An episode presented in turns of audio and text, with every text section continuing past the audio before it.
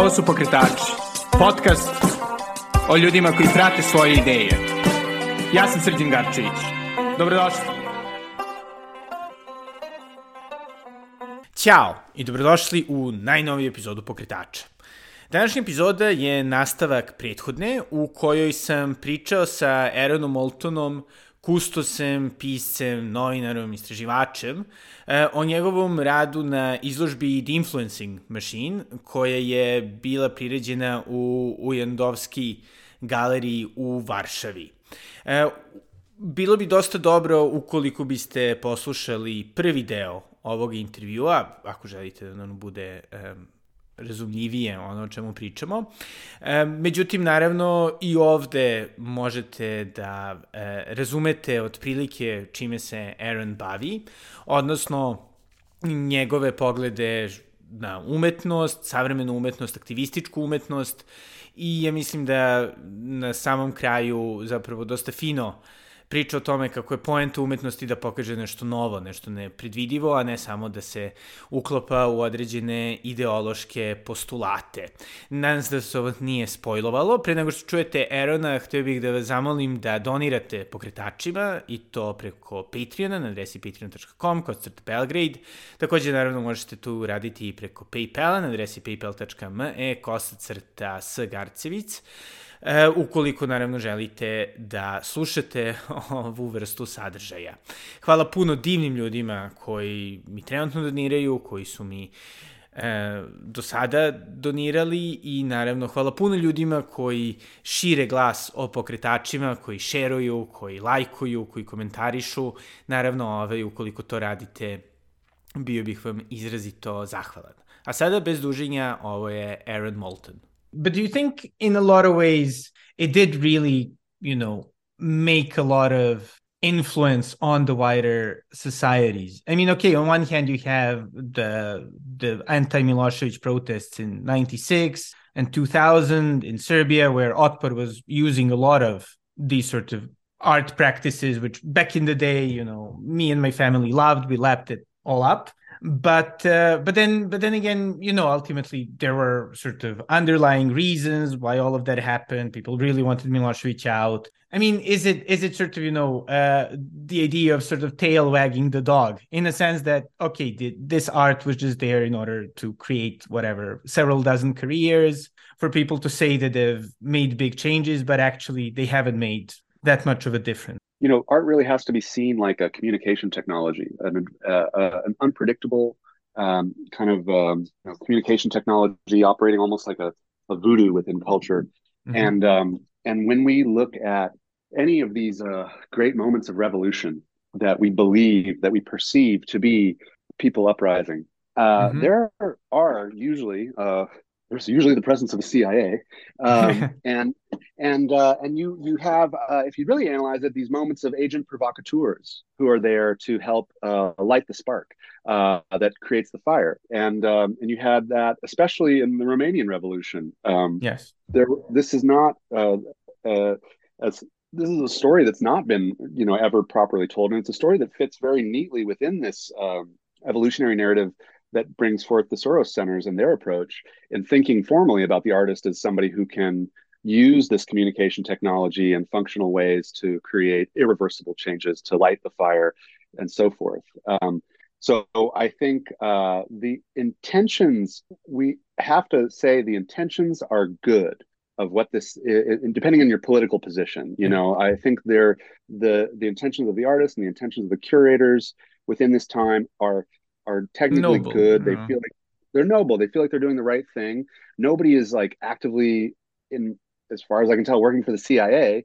Um, but uh, there's definitely this thing about it that now, 30 years later, looks very suspicious in terms of how we can say, look, that's that's uh, that's a pretty advanced way to think about art and how it can do this thing that it's doing now on an everyday basis uh, mm-hmm. uh, in terms of destabilizing culture and society, or you know, creating uh, um, con- consolidating new power structures and uh, and creating you know yeah agendas political agendas Yes, yes. And I mean, you mentioned that the sort of socially engaged practices have kind of, I mean, not started, but definitely were most intense in Eastern Europe and then they spread around to the West. And, you know, they have all sorts of banal art everywhere trying to portray itself as very virtuous and sort of important for the society. But do you think, uh, you know, apart from, I guess, right wing, quote unquote, uh, appropriation of, of, these techniques. Do you think that Eastern European contemporary art has sort of stepped forward, has sort of surpassed this sort of socially engaged, uh, propagandistic almost approach to art, or do you think it's uh, we're still mired in it because the whole world seems to be mired?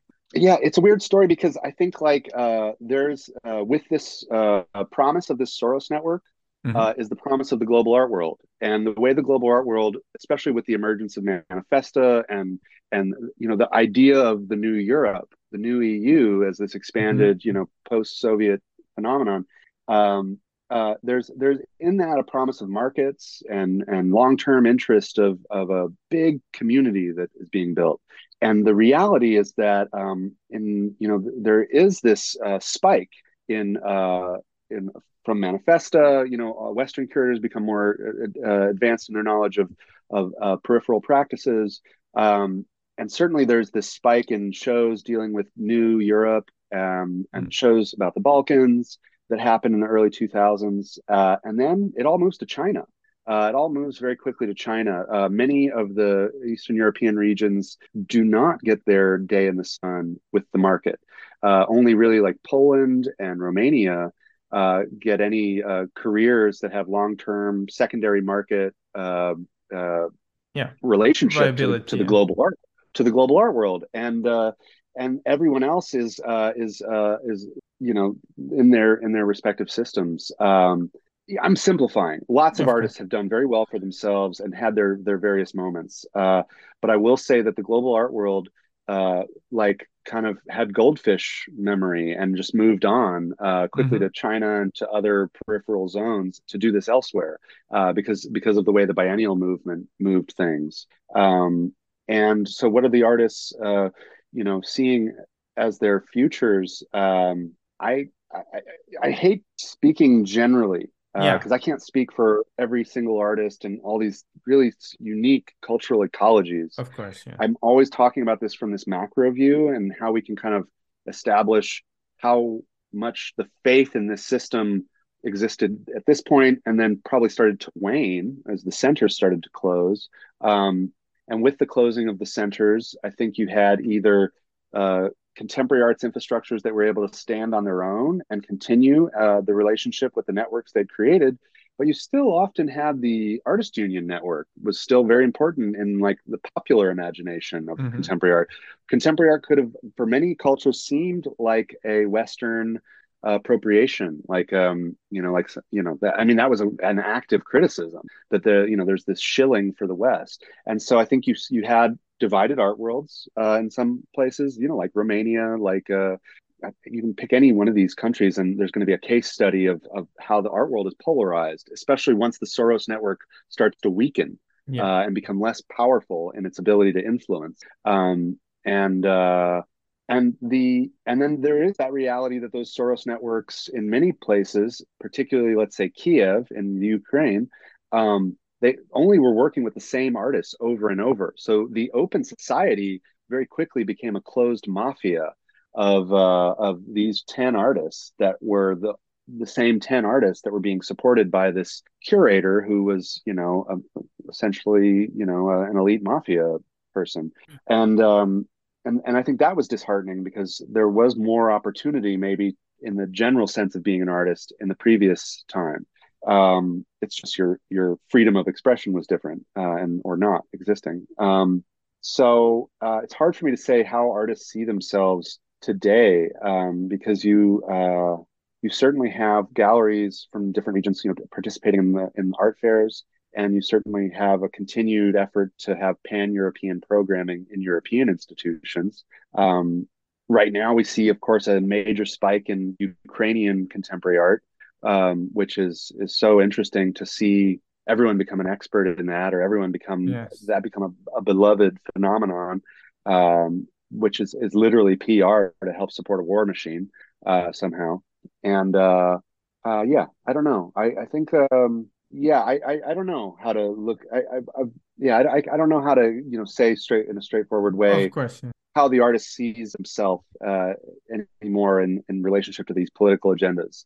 Yeah. Um, I yeah or whether you know they have formatively i mean formally or uh, i guess uh, thematically progressed past these sort of tactical media type uh, mannerism i don't know well, i think yeah in serbia kind of there are there are people who are you know kind of no longer just engaging in you know sort of typical oh look at me i'm a poor serb need to think about the, the dark past let me tell yeah. you about this yeah which is good this this book uh, mm-hmm. I don't know if mm-hmm. you know this book, uh, "Pranksters and Autocrats" by yes. Sergei Popovich. Yes. You know this? Yes. Well, yeah. Of course, he's he's famous. Yeah, but I mean, like, I look at this book as an art history book. Yeah. You know, uh, if you really had to turn the prism, uh, it's easy to see this as uh, something that is an art history book that comes out of the philosophies of the SCCA network. Not that Sergei Popovich was connected to the network at all, but what I'm interested in is the back of the book, which is this index of practices that deal with um, dilemma actions. His idea of dilemma actions, which is culture hacking, which is mm-hmm. tactical media.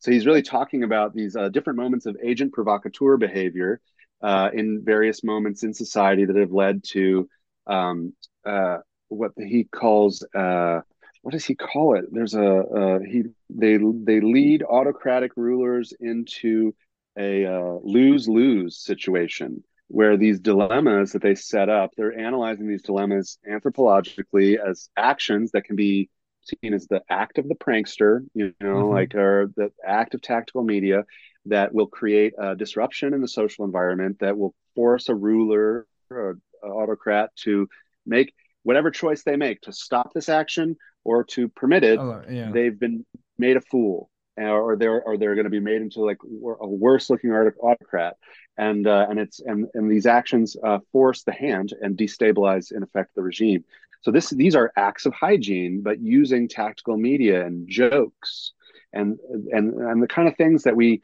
uh, we see artists do in in apolitical ways um, you know the ready made is a form of tactical media um, but situational forgeries, uh, the way in which artists can create hoaxes and all these things. These are tactical media.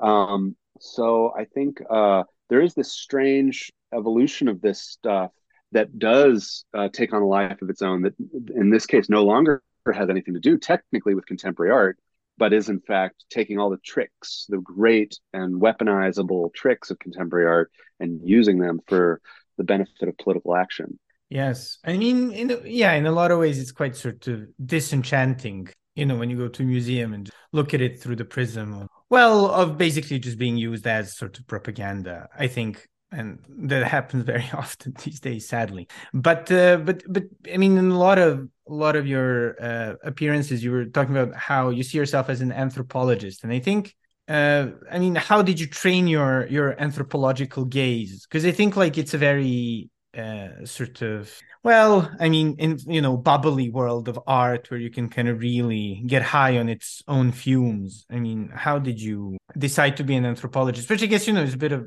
like being a bit of a spoil sport i think in these uh, situations uh, I'll, I'll, tell you uh, i've never studied anthropology uh, I, I, just call myself an anthropologist yeah, yeah. And, and the more often i call myself an anthropologist the more often i am one uh, but it's not just this a simple act of naming but I am using tactical media to, you know, reinforce an idea.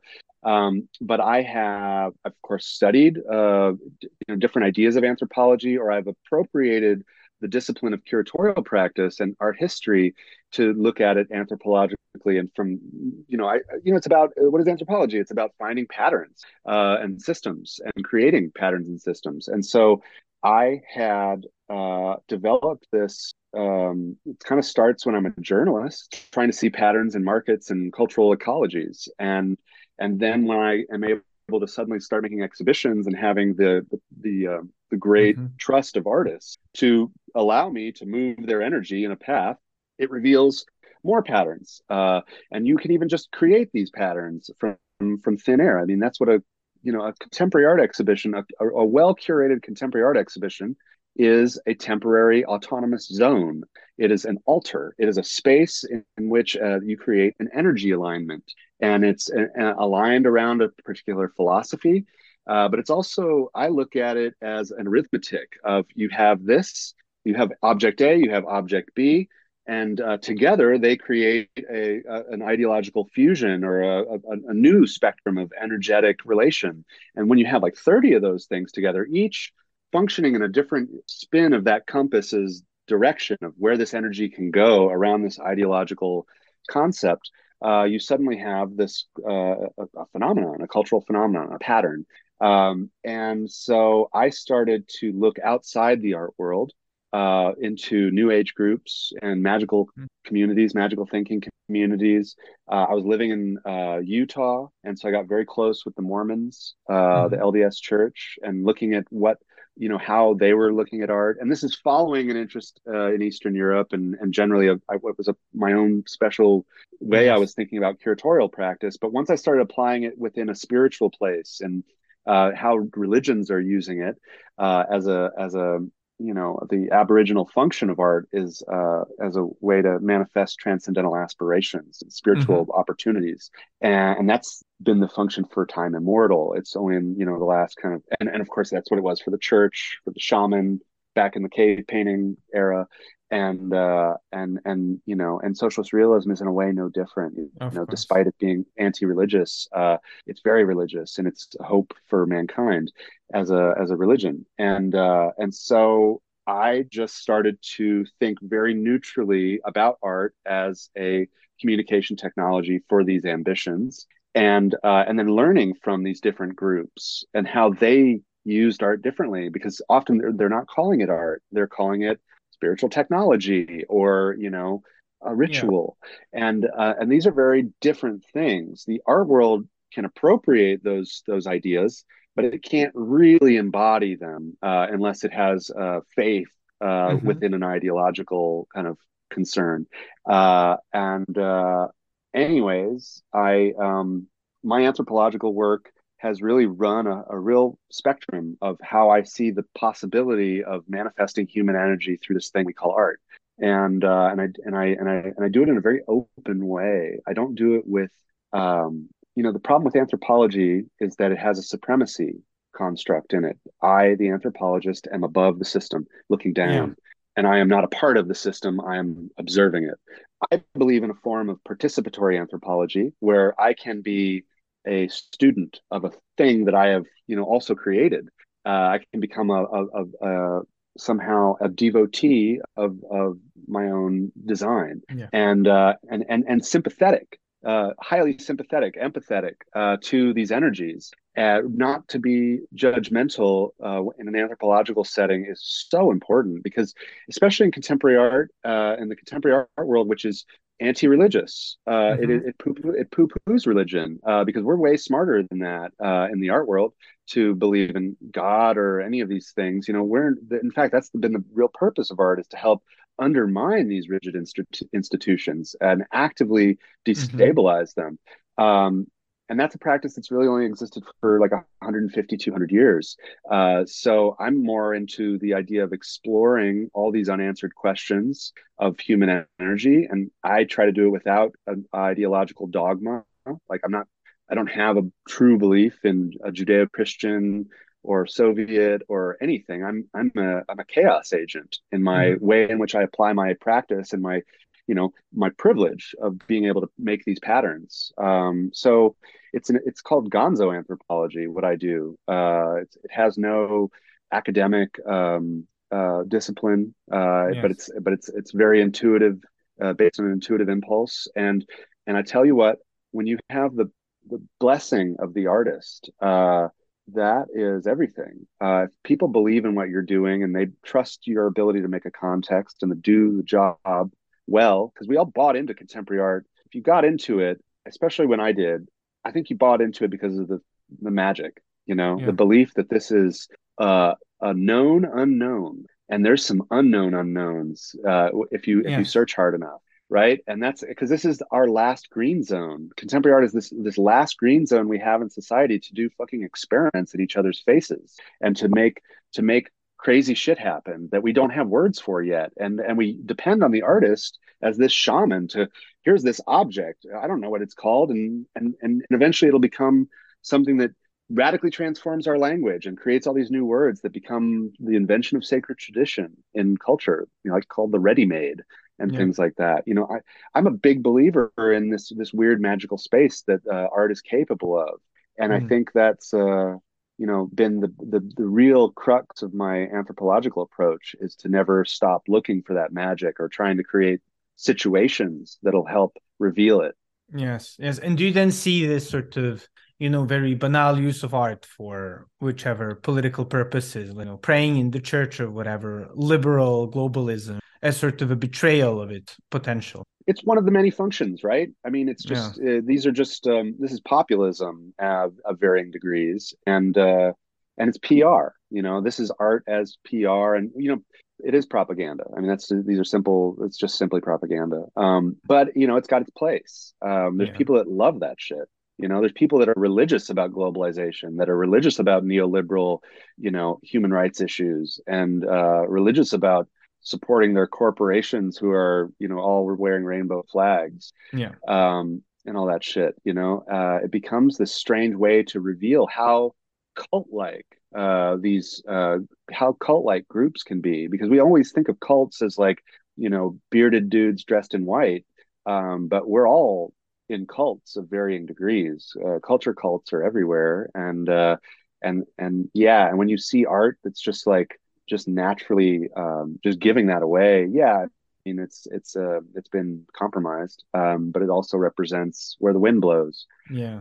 And and then i mean you know this has been a, a lovely chat but but don't worry uh, i will have to let you go at some point. And uh, i'm just wondering what how are you thinking to take this any further? I mean your exploration of secas what are what are the plans for? Well look man i am very grateful to be in a conversation with you. This has been the hardest part for me is to get this story out. I mm-hmm. I've, I've done everything to make my art world confront this story because uh, for, you know it's not. Uh, I don't think we've stressed so much what a dark political space this is to approach this, and uh, and how dangerous it's been not only to speak out critically against the NGOs, but to do it through this blacklisted right wing contemporary art museum. Uh, these are all been very dangerous um, moves for my own career. But I saw that my art world was not willing to look at this story. And so I thought, oh, well, if I put this really negative magnifying glass on mm-hmm. it, you will have to see it. And, and and the truth be told, people still ignore it. And uh, and so now I've been uh, doing a you know I've done a number of podcasts and uh, and I and I'm and I'm grateful for this because you're you're a completely different demographic. You're a regional demographic that's important for me and that's important for this story. And um, and so my my effort has been to just tell this story uh, as much as I can without getting bored.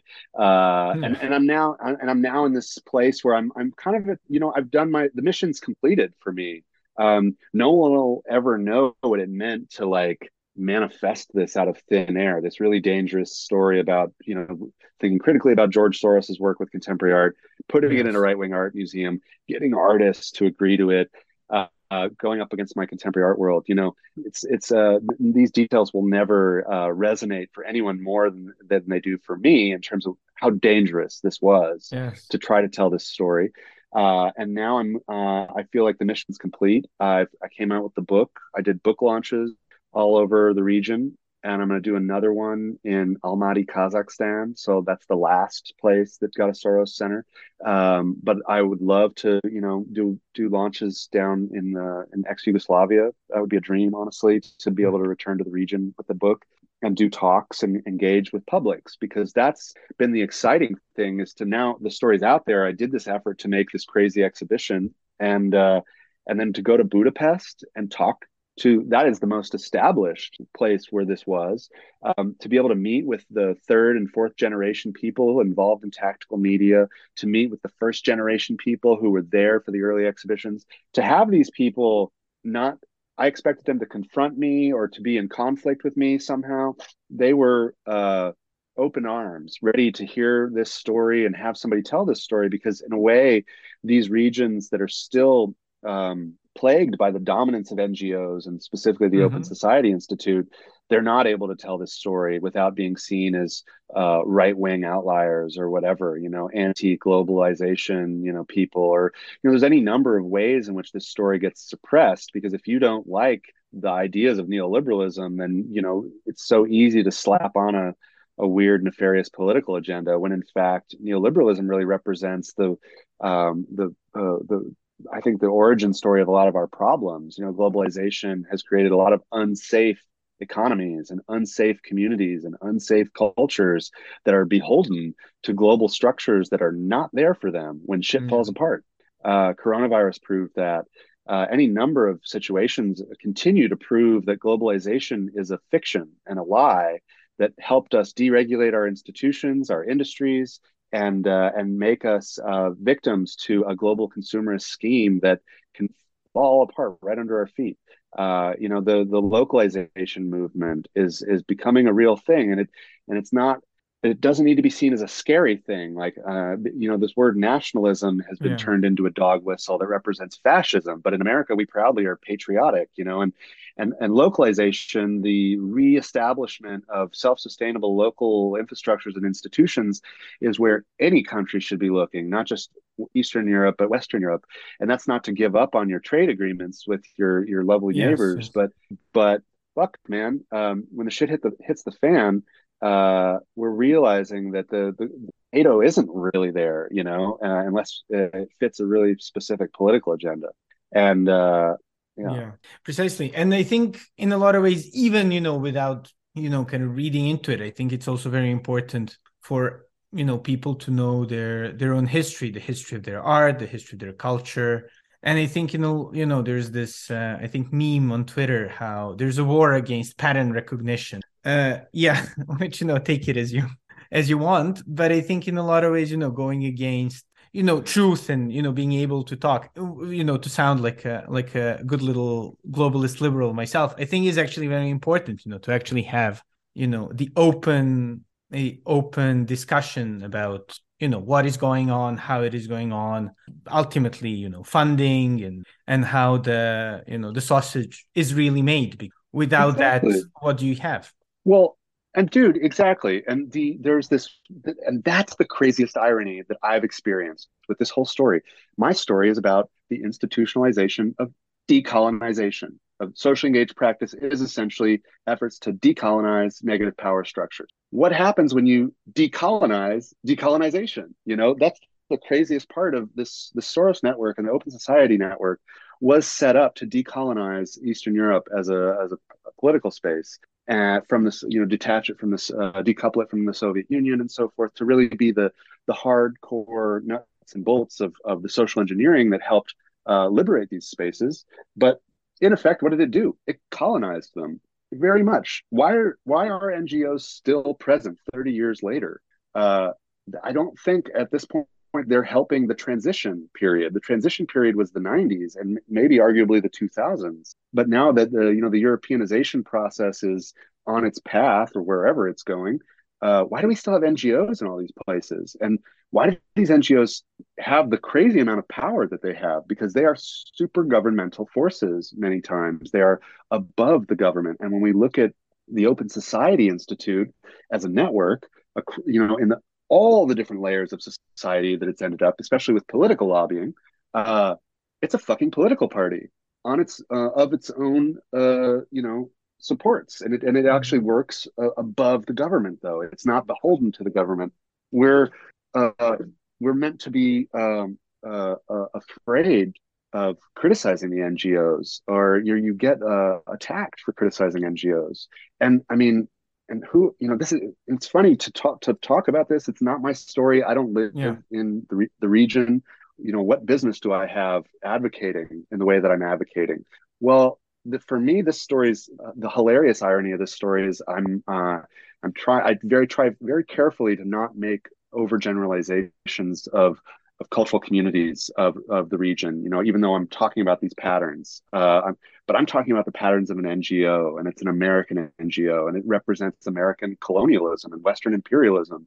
And, and I think you know I'm the right person to to speak speak out about it and to give hopeful um, tools and resources to help others, you know, get their own ability to make arguments with or against it. You know, uh, the great irony that I've experienced when I've been telling this story is nobody defends the NGOs. Nobody defends and in an articulate way the legacy of the Soros network. They only criticize me yep. to you know come up against my story.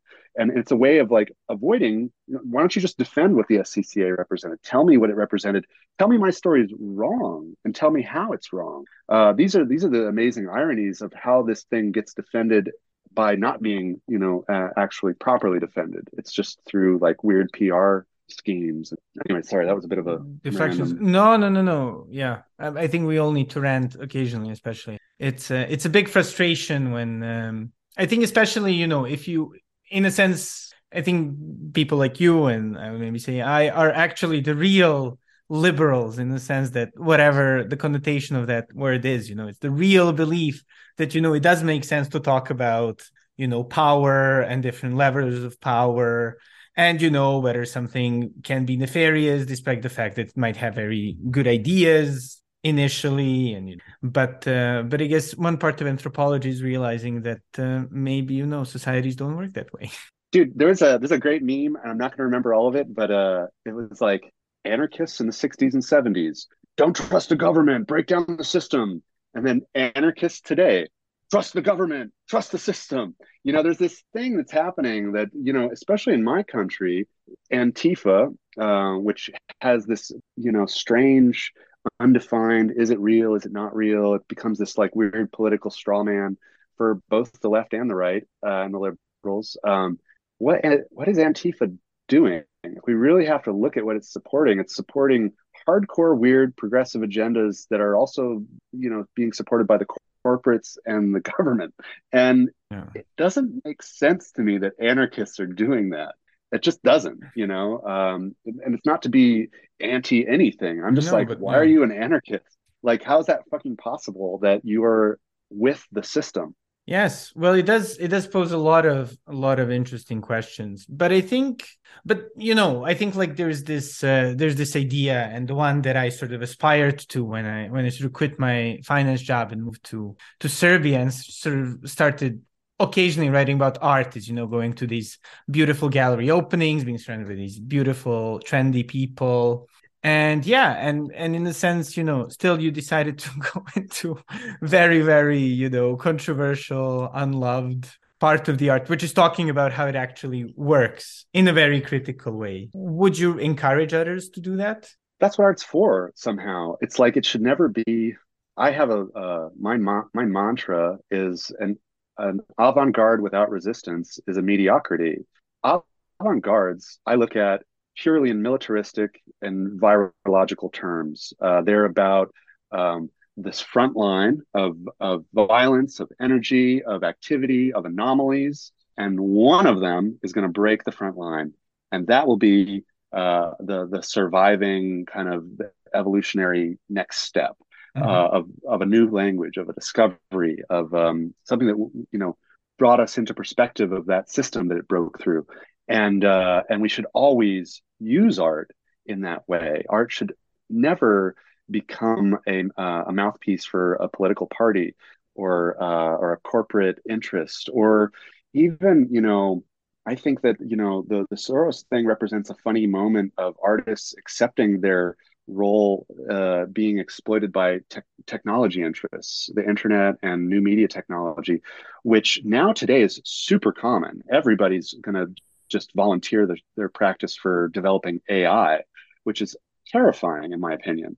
Uh, and and then uh, not only does it uh, lead to unforeseen dangerous you know potentials of this thing that we should be afraid of AI, uh, it's gonna it's gonna cherry pick and juice the artists and then leave them for you know art what artists do what what is the great thing that artists do, uh, and this is why the NGOs see them in the valuable way that they do, and technology companies see them in the valuable way that they do, is they will uh, allow artists to be the first port of call when thinking about new systems of technology or interfaces of bureaucracy, because artists are like um, bricolage, you know, uh, uh, mad scientists who will find the pattern. They will find the, the the bugs in the system. They will they will create the interface that will become the interfaces we actually then use for browsers and uh, and so forth. Artists are ultimately given this uh, this pretty free space to to help develop new systems in that regard and find weaknesses of old systems. Um, and and that's uh, and that's a fascinating place to to be uh, given the privilege to work within. Uh, it's just when you see that artists are being um, uh, you know recruited in a way that's um, yeah I, I think you know it's this idea of astroturfing that I find very scary. Uh, uh, when you see my whole contemporary art world which is left is technically liberal center right liberal uh, but they can see they see themselves as progressive left. Um, uh, everyone's saying the same shit you know uh, when when everyone is saying the same political slogans who are you talking to? You know who everyone thinks the same thing. Who are you fighting against? Who are you fighting with? You know you're all you just it's like a everyone's trying to outshout the choir.